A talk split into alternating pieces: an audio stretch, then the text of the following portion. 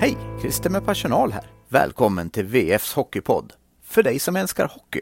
Det blir snabba puckar, heta nyheter och proffsig leverans. Ungefär som på ICA Maxis nätbutik på Bergvik. Här kommer VF Hockey, veckans FBK-lag, med din värd Johan Ekberg.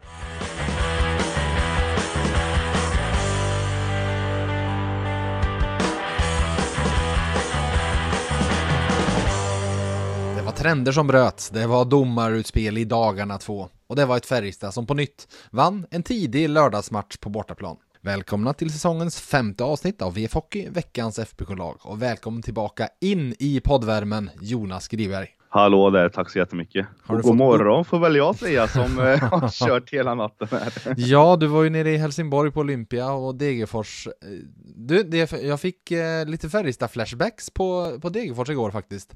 Mm. Eh, för ni som inte har sett, det var ju en helt otrolig situation på slutet där Helsingborg var tvungna att göra mål i ställningen 1-1 för att inte definitivt vara nedflyttade. Så att de fick hörna i 93 minuten eller 94 minuten och skicka upp målvakt var på Degerfors nickar undan den och vänder och Nikola Djurdjic springer fri från halva plan och lägger in den i öppet mål. Det var faktiskt ett år, nu kommer jag inte ihåg exakt vilken säsong det var, men där Färjestad och HV slogs om seriesegern i sista omgången. Och Färjestad vann sin match och HV mötte Södertälje borta och Södertälje hade ett liknande läge som Helsingborg där de var tvungna att vinna för att eh, inte åka ur. Eh, så de på slutet plockade ut målvakten vid likaläge varpå HV kunde avgöra i tomt mål eh, och därmed vinna serien. Så det är precis, precis samma. men du har fått upp värmen i kroppen i alla fall, för jag gissar det var lite kyligt att sitta utomhus på Olympia igår. Eh, båda, alltså faktiskt inte. Alltså, vi, Nej. kom ner till, eh, vi kom ner till Helsingborg eh, vid lunchtid och det var, kan ha varit, 14-15 plusgrader. Jaha, det var nästan, jag tog, av mig vin, nej, jag tog av mig vinterjackan och jag ska säga, jag samåkte med våra kollegor här på eh, Karlskoga Tidning. Mm. Ehm, vi, vi tog en lunch i stan och hur varmt som helst ute men ja det är klart att när, när solen, gick, solen gick ner så blev det kallt men det var, det var, det var inte så kallt som det, Så man som kan tro att det här är Nej, det var, det var lite vår, vårkänslor där nere faktiskt. Eh, Men Ja. nu har jag fått i mig en, eh, nu ska jag inte göra, göra reklam här för eh, något företag, men jag har fått i mig lite energidryck här så jag ska, jag ska nog vara redo att snacka lite hockey i alla fall. Gött! Du, eh, du var ju i katakomberna i Löfbergs Arena förra veckan och frågade då Linus Johansson, var står Färjestad just nu? Eh, Du får samma fråga, var står de just nu? Eh, ja, alltså det går väl inte att säga något annat att de kanske har överträffat förväntningar lite med tanke på att man egentligen inte har ersatt de spelare man har tappat och då tänker jag väl främst på Rydal, jag tänker på Delaros, jag tänker på Virtanen. Eh, spelmässigt eh, har det väl sett ut som det kanske brukar göra så här tidigt in på säsongen. Eh, man får en liten gott och blandat påse med både lite godsaker och sedan så finns det någonting som man bara vill lägga åt sidan. Eh, och då kanske det är Skellefteå borta 0-6. Eh, även fast det inte är någon eh, den typen av match så är det ändå ett resultat som sticker ut. Annars så tycker jag inte att Färjestad har varit utspelade i, i någon match egentligen. Ehm, men eh, apropå, apropå utspelare då, eh, samtidigt som du var inne i varma Bern Arena så eh, satt ju jag på eh, Stora Valla och såg Mm. Degerfors eh, spela ut eh, IF, IFK Göteborg. I torsdags Eh, ja. och, Mm. Ja, exakt. Och såg väl inte jättemycket av eh, Örebro FBK mer än, hö än höjdpunkten. Men vad jag, vad jag förstått och vad jag har hört och vad jag har läst så handlade väl allt väldigt mycket om, om domslut. Eh, men du som ändå var på plats, alltså, hur, hur upplevde du den matchen från din, din synvinkel? För det blev ju väldigt mycket snack efteråt om diverse domslut, både Ja, som gick det- emot och som inte gick med. Ja, exakt. Ja, men det blir ju det. Alltså, om vi börjar rent spelmässigt så var det ju en jämn hockeymatch där det böljade väldigt mycket och så. Eh, Men det är klart att den blev, alltså nu, Färjestad släppte ju faktiskt inte in något mål i boxplay. Eh, De släppte ju in ett precis efter de hade blivit fulltaliga, så det var ju som i boxplay.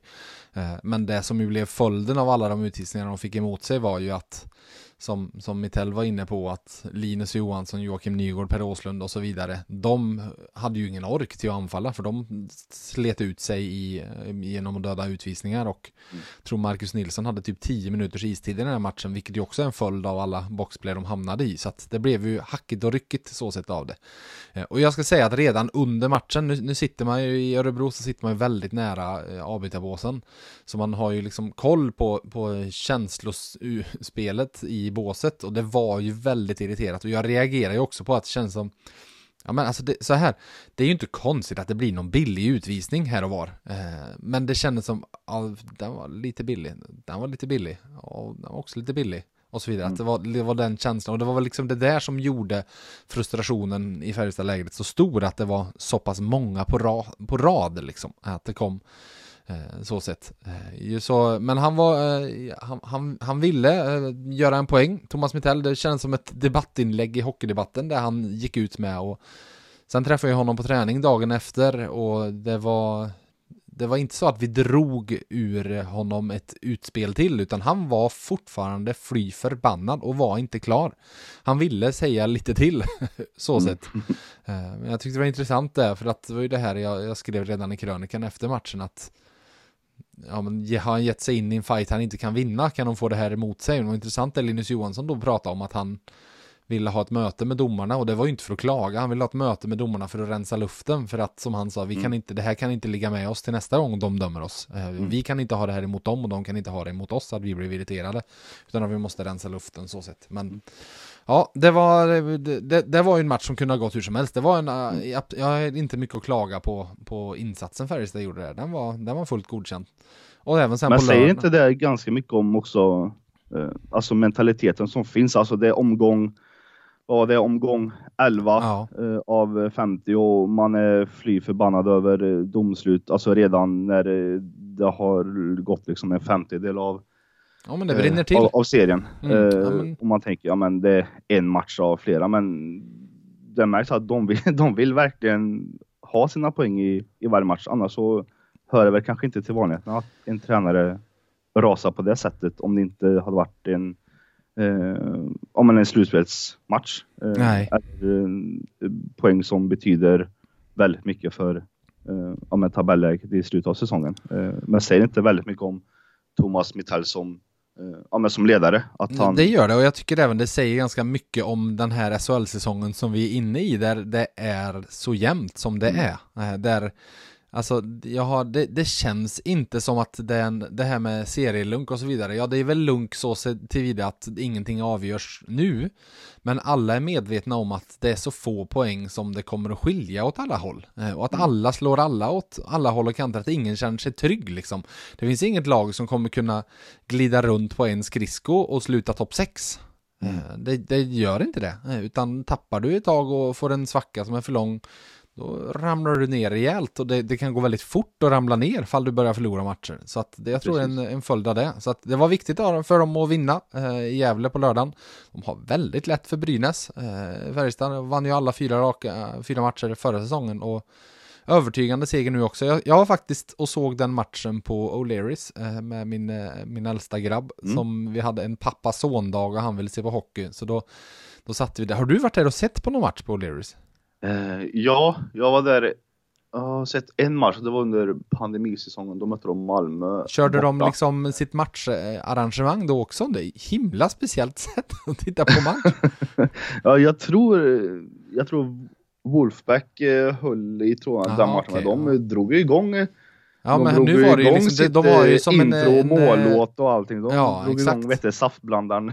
När de gjorde mål och så, Ja, så var det exakt. fortfarande och det var Ja. liksom lite klapp, eh, den här du, du, du, Ja, du, exakt. sådana där liksom. Eh, ja, eh, det, jag, jag blev lite paff först för jag visste inte att det var så. Eh, men eh, jag kan ju säga att för en sjuåring gick det hem i alla fall. ja, han var nöjd. Han var väldigt nöjd. Ja. Eh, men du, vi ska plocka ut veckans FBK-lag. Det är det podden heter, så det ska vi såklart ge er. Och jag tänkte då, eh, som en liten fortsättning på Brynäs-matchen, börja prata om målvaktsplatsen. Eh, för för första gången den här säsongen så känns det som att det faktiskt på riktigt fanns ett målvaktsval att göra i veckans FBK-lag. Eh, Mittell berömde, för när han berömde efter Örebro så var det med Tomkins som var spelaren han plockade ut och lyfte för insatsen. Och han har gjort, jag måste säga det totalt sett, en jättefin start på säsongen med Tomkins, verkligen. Eh, Men jag tror att Dennis Hildebys insats mot Brynäs var ännu viktigare för Färjestad. För även om Tomkins imponerat så mycket som han har gjort så kommer han behöva avlastning för att hålla. Och det har faktiskt varit några inhopp i rad nu, eh, där inhopp i form av startade matcher, inte hoppat in i match, men där Dennis Hildeby inte alls övertygat. Men det gjorde han verkligen mot Brynäs. Eh, målet där, mm, kanske vill ha det tillbaka. Eh, lite, jag tror han stör sig på det. Men på nytt, lite som en déjà vu av när han stod sin första SHL-start nere i Växjö där. Eh, det är- lätt att se hur man haft en lite tyngre period bakom sig, får ställa sig och så eh, släpper han in, alltså Färjestad startar jättebra i Gävle och det här var, hade gjort 1-0 och så får Brynäs PP och så släpper de in mål direkt. Skulle kunna bli hjärnspöken, men från det målet framåt så var han jätte, jättebra, visa samma mentala styrka som han gjorde förra säsongen. Tog precis allt han skulle, plus två, tre, fyra eh, riktigt högkvalitativa räddningar, bland annat en på Johannes Kinnvall där som kom helt fri där han följde med snyggt och räddade. Så mm, viktigt för Färjestad och viktigt för Dennis Hillevi som får platsen i veckans FBK-lag. Vad har vi för någon första back? Eh, ja, där börjar det ju bli lite tjatigt nu, men det, det är svårt att undvika och inte ta med en sån som som Theodor Landström som just nu är helt, ja, han är helt överlägsen. Mm. Han är helt överlägsen. Och man ser ju nu hur, hur snacket går, framförallt på sociala medier om vem som är SHLs bästa back. Om det är Theodor Landström eller om det är Pudas i Skellefteå. Och just nu håller väl jag Landström eh, snäppet eh, vassare. Eh, men samtidigt, jag blir inte förvånad om både, båda de slutar topp 5 eller topp 10 i totala poängligan. Eh, så, Nej. pass, så pass bra är de. De spelar ju väldigt mycket båda två också. Ja, jo, men de spelar både, både powerplay, de spelar boxplay, spelar 5 mot 5, spelar 6 mot 5 och ja, det är klart att då får man kanske lite gratis eh, poäng eh, här och där. Men eh, noterbart är ju också att eh, Lennström, han har bara gått eh, poänglös i, i eh, med fyra av 12 matcher. Mm. Eh, vilket ändå är lite anmärknings, anmärkningsvärt. Eh, han, ja, jag vet inte. Han, han spelar sitt livs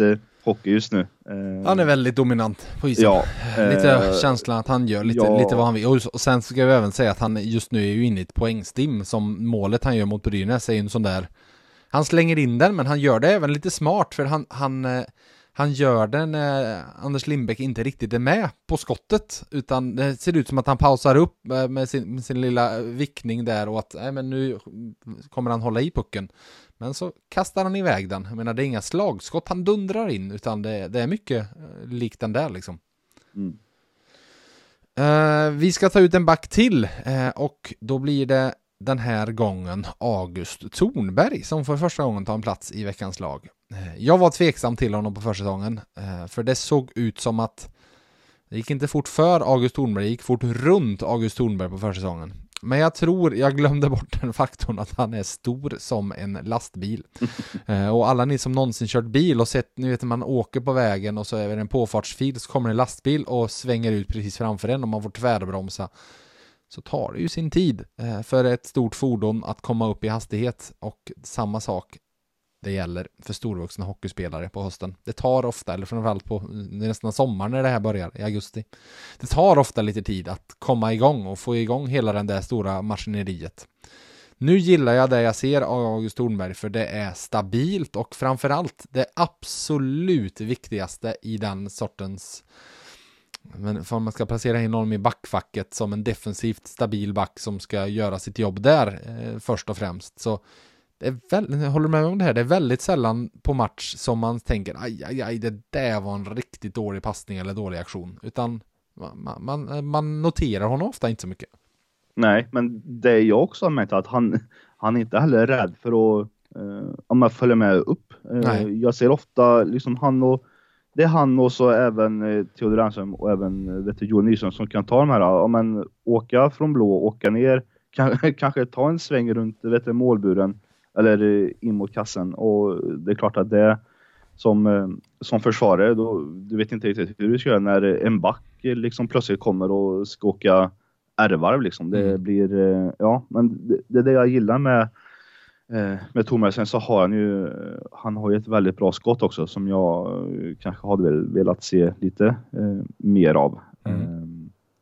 Eh, men ja, det, sen så ska man kanske inte eh, kräva att han ska spela powerplay. Där eh, Dit är det nog det kanske många som är som men, är men däremot så har han en väldigt viktig roll i boxplay eh, och mm. där han och Mattias Göransson är de spelarna som spelar mest i boxplay eh, och den här veckan där Färjestad faktiskt har fått stopp på det som vi har lyft fram som frågetecken gång efter annan här i veckans FBK-lag-podden. Eh, att eh, de, de har ju fått stopp på det. De, visst, de släppte in ett mål i Gävle, men det är ett mål på två matcher. Eh, och släppte ju inte något där mot Örebro. Eh, och eh, Göransson och Tornberg har över 10 minuter i, med, i numerärt underläge senaste veckan utan att släppa in ett mål. Så det är ju riktigt starkt så sett. Men den här veckan så är det Griberg som sitter och pratar med mig. Det betyder att vi har Karl-Oskar Lysander nere i Lövbergs arena.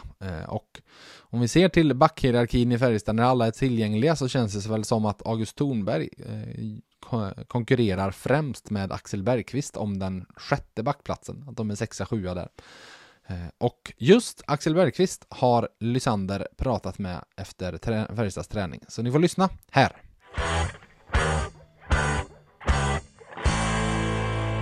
Du har precis tränat lite extra. Vad är det du har tränat på här? Ja, vi körde lite skott in i lilla hallen med Toto ett 15-20 minuter kanske. Eh, det är ju bra att träna på om man ska spela powerplay och det gjorde du också här på, på måndagsträningen. Hur, hur ser du på, på chansen du har fått här att spela lite powerplay?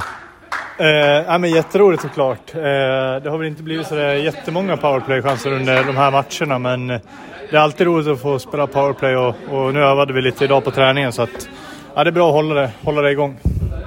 Vad känner du kring din, eh, din start här på SHL och, och de första matcherna här under hösten? Uh, men, jag tycker väl att det går åt rätt håll. Uh, så kan man väl summera det enkelt. Uh, jag tycker att det känns bättre och bättre för varje dag som går. Och, och fått spela lite mer de här två senaste matcherna så att, ja men det är roligt. Vad har varit den, den stora skillnaden för dig att komma till SHL gentemot Allsvenskan? Ja men allt är lite bättre såklart. Farten, strukturen. Eh, du blir straffad för dina misstag mycket mer här än i Allsvenskan. Eh, så att, ja men det, allt är ju liksom bättre egentligen. Du har kommit till ett rätt så starkt lag också som, som för ett drygt halvår sedan vann SM-guld också. Det är såklart, det är ju inte jättelätt att slå sig in i ett sånt lag heller. Nej, men det är det ju inte. Absolut inte. Eh, utan det gäller att ta varje chans man får och göra det bästa av det. Av spelarna som finns i laget, vilka har du spelat med förut? Henrik Björklund vet jag att du spelar med i BIK. Är det någon mer? Eh, Karl eh, Jakobsson och Westfeldt har jag spelat med lite ibland på något läger och någon landslagsuttagning och sådär. Så att de, det räknas väl kanske inte egentligen. Eh, Göransson och jag, vi hade en sommarträning i Leksand ihop innan, precis när han kom och när jag stack där. Så att jag har inte spelat med honom, men jag har ju tränat med honom. Eh, ja, det är nog de, tror jag. Och där, på tal om att vara ny i ligan, Björklund har ju spelat lite grann förut, men, men hur ser du på, på hans start här i, i SHL? Äh, fantastiskt såklart. Det är bara att kolla på, kolla på hans siffror och, och jag tvekade inte en sekund innan på att han skulle kunna göra samma sak i SHL som han har gjort i Allsvenskan. Så att, äh, men det är jättekul för honom och starkt av honom att kunna öppna säsongen på det viset. Vem i laget tycker du tar plats i, i veckans FBK-lag? Ja, det får bli han då. Jag säger Henrik Björklund.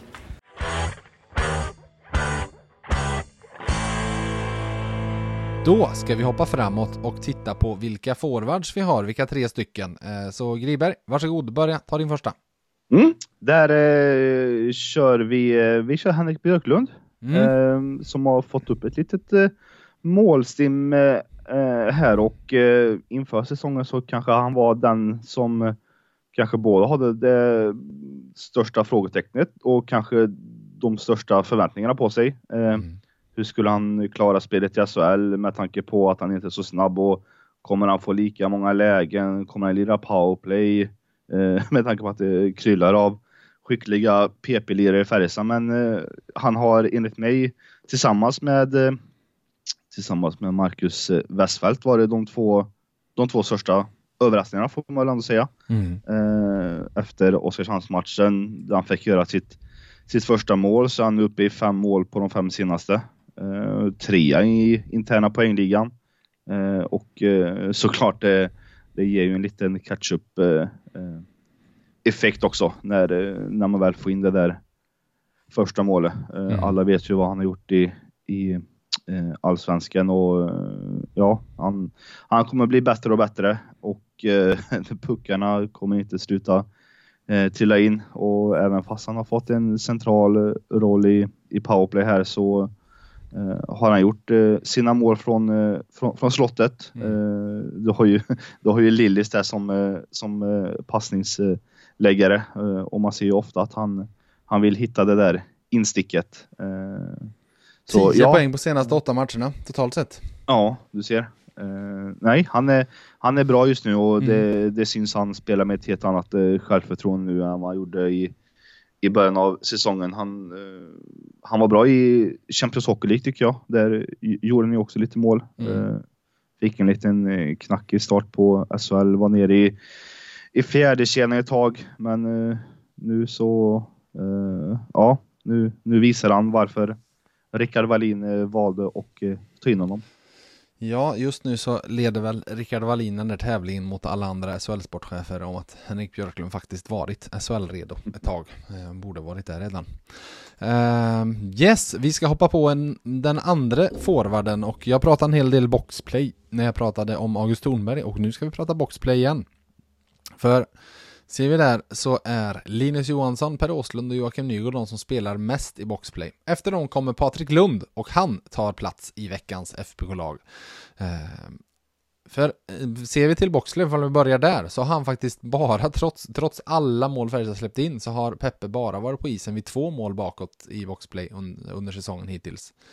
Och framförallt tycker jag i Örebro-matchen så gick han verkligen i bräschen där det kändes som att men de, de hade gett sig fan på att nu ska vi få stopp på det här. Nu kör vi, det får inte hålla på så här. Vi måste sluta släppa in mål i boxplay hela tiden. Eh, och han, eh, han det, var, det var något byte där han körde som en garning. Eh, och det är ju det man får av Patrik Lund. Det är ju den här, alltså det är imponerande. Han är 34 år och jag tycker fortfarande han är lika rapp som han var när han var 24 och kom till Färjestad från, från Karlskoga första gången och var här och var, var lika nyttig då. Så är en ledare eh, faktiskt, eh, på, på, även fast han inte är den mest högljudde så är han en ledare på väldigt många sätt genom att sätta standard.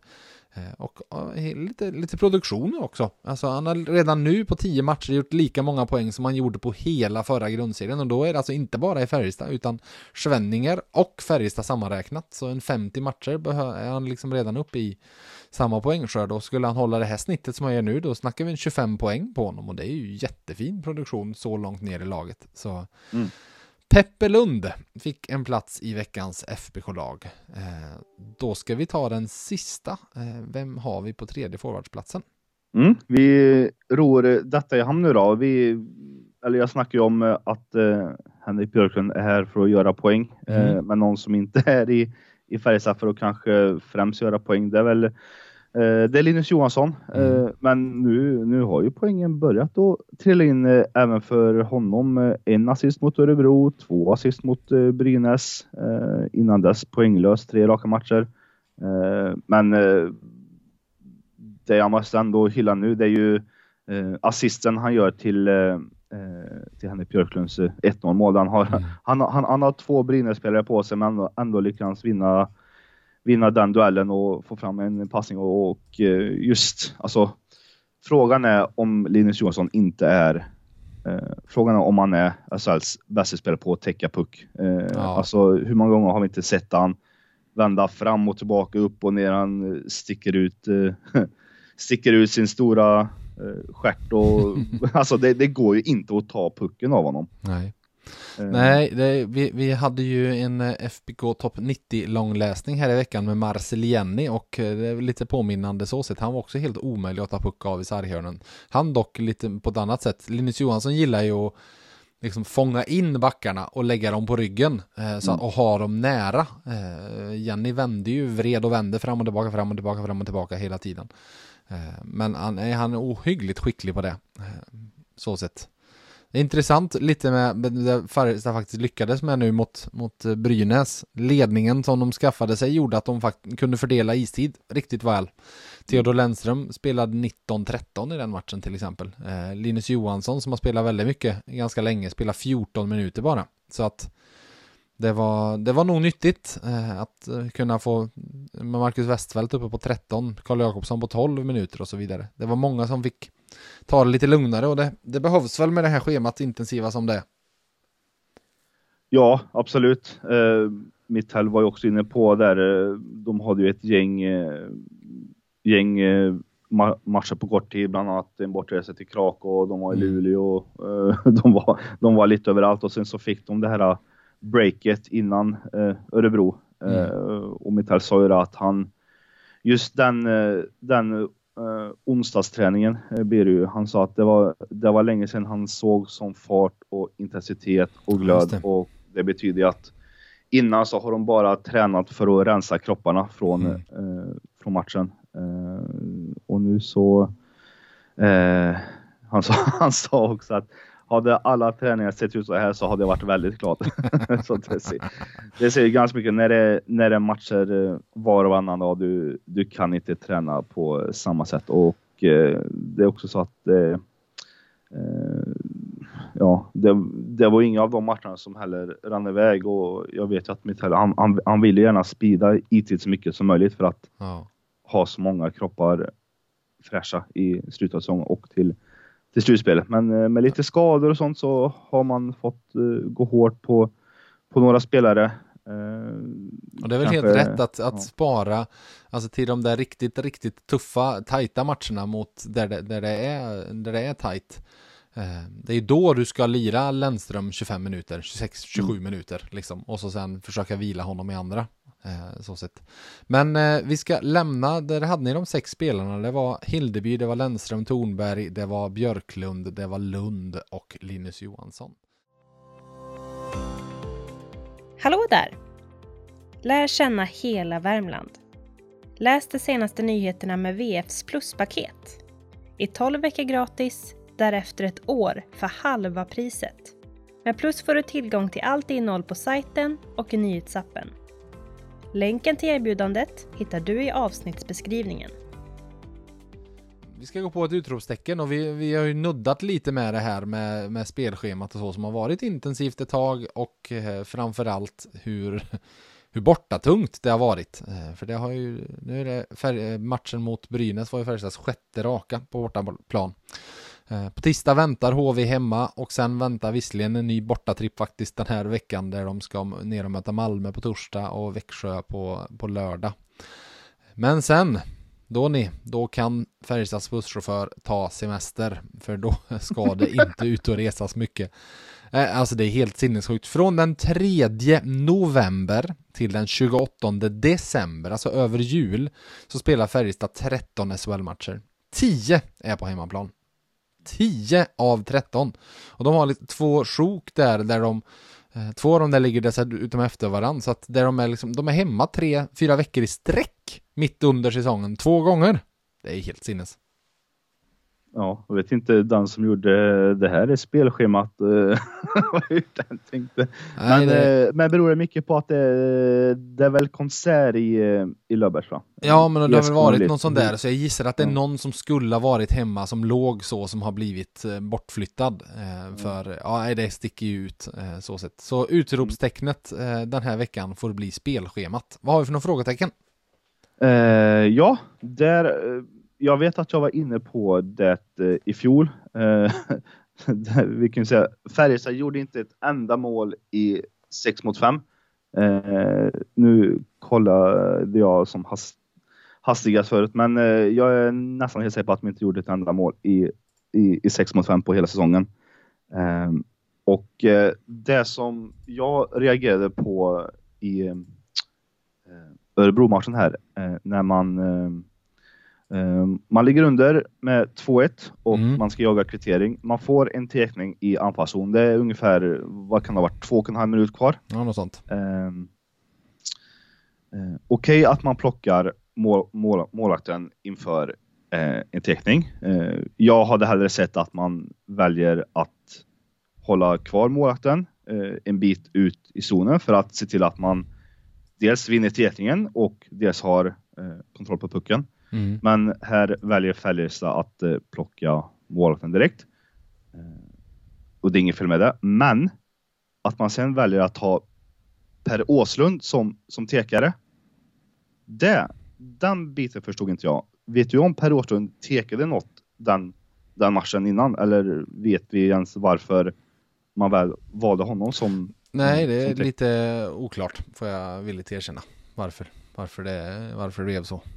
Mm. Och eh. då, så, då var det såklart väldigt många som reagerade. Då är det eh, om man är teckningstorsk eh, och så gör Örebro Ja, men jag håller med dig om att, att de med två och en halv minut plockar målvakten, det, tycker jag inte är så konstigt. Det, vissa tycker att man ska vänta till det är en minut kvar. Så här. Det finns väldigt mycket eh, siffror som har tagit fram och analyserats och att det, man bör plocka målvakten tidigt för att verkligen ha en chans att göra. Så att det, men med tanke på den tekningshistorik som finns i Färjestad så det var tekning i offensiv zon, du har ditt bås på den sidan så att de hade ju kunnat haft eh, Tomkins stående som du sa en bit ut i zon så att de okej okay, vi vann tekning, bra då byter, skick, går Tomkins av och vi skickar in en anfallare.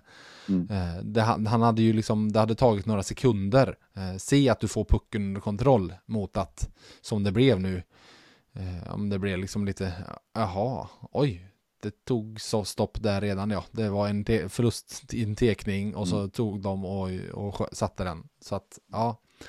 Nej, det kändes lite konstigt mm. så sett. Och då hade ju skapat väldigt mycket kaos också. För eh, om man säger att Färjestad hade, hade behållit eh, eh Tomkins, Tomkins mm. Och säga att man vinner tekningen och så sticker Tomkins och så plötsligt så ska Örebrospelarna hålla, hålla koll på en sjätte Färjestadspelare som, som mm. kommer från ingenstans. Det är klart, mm. det blir ju väldigt rörigt för dem så det finns ju väldigt mycket mer fördelar än att man ska försvara sig mot ett uppställt 6 mot 5 spel. Eh, mm.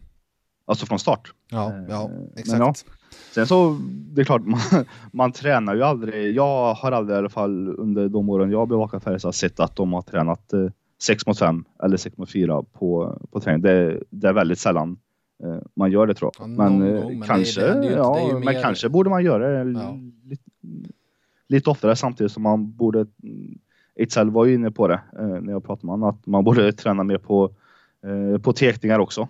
Ja. Eh, och det är klart att ja, få lite extra poäng här och där för, för att göra mål i 6 mot 5 med några sekunder kvar. Det, det, kan ju det kan göra mycket i, i slutändan. Små, mm. små detaljer kan göra stor skillnad.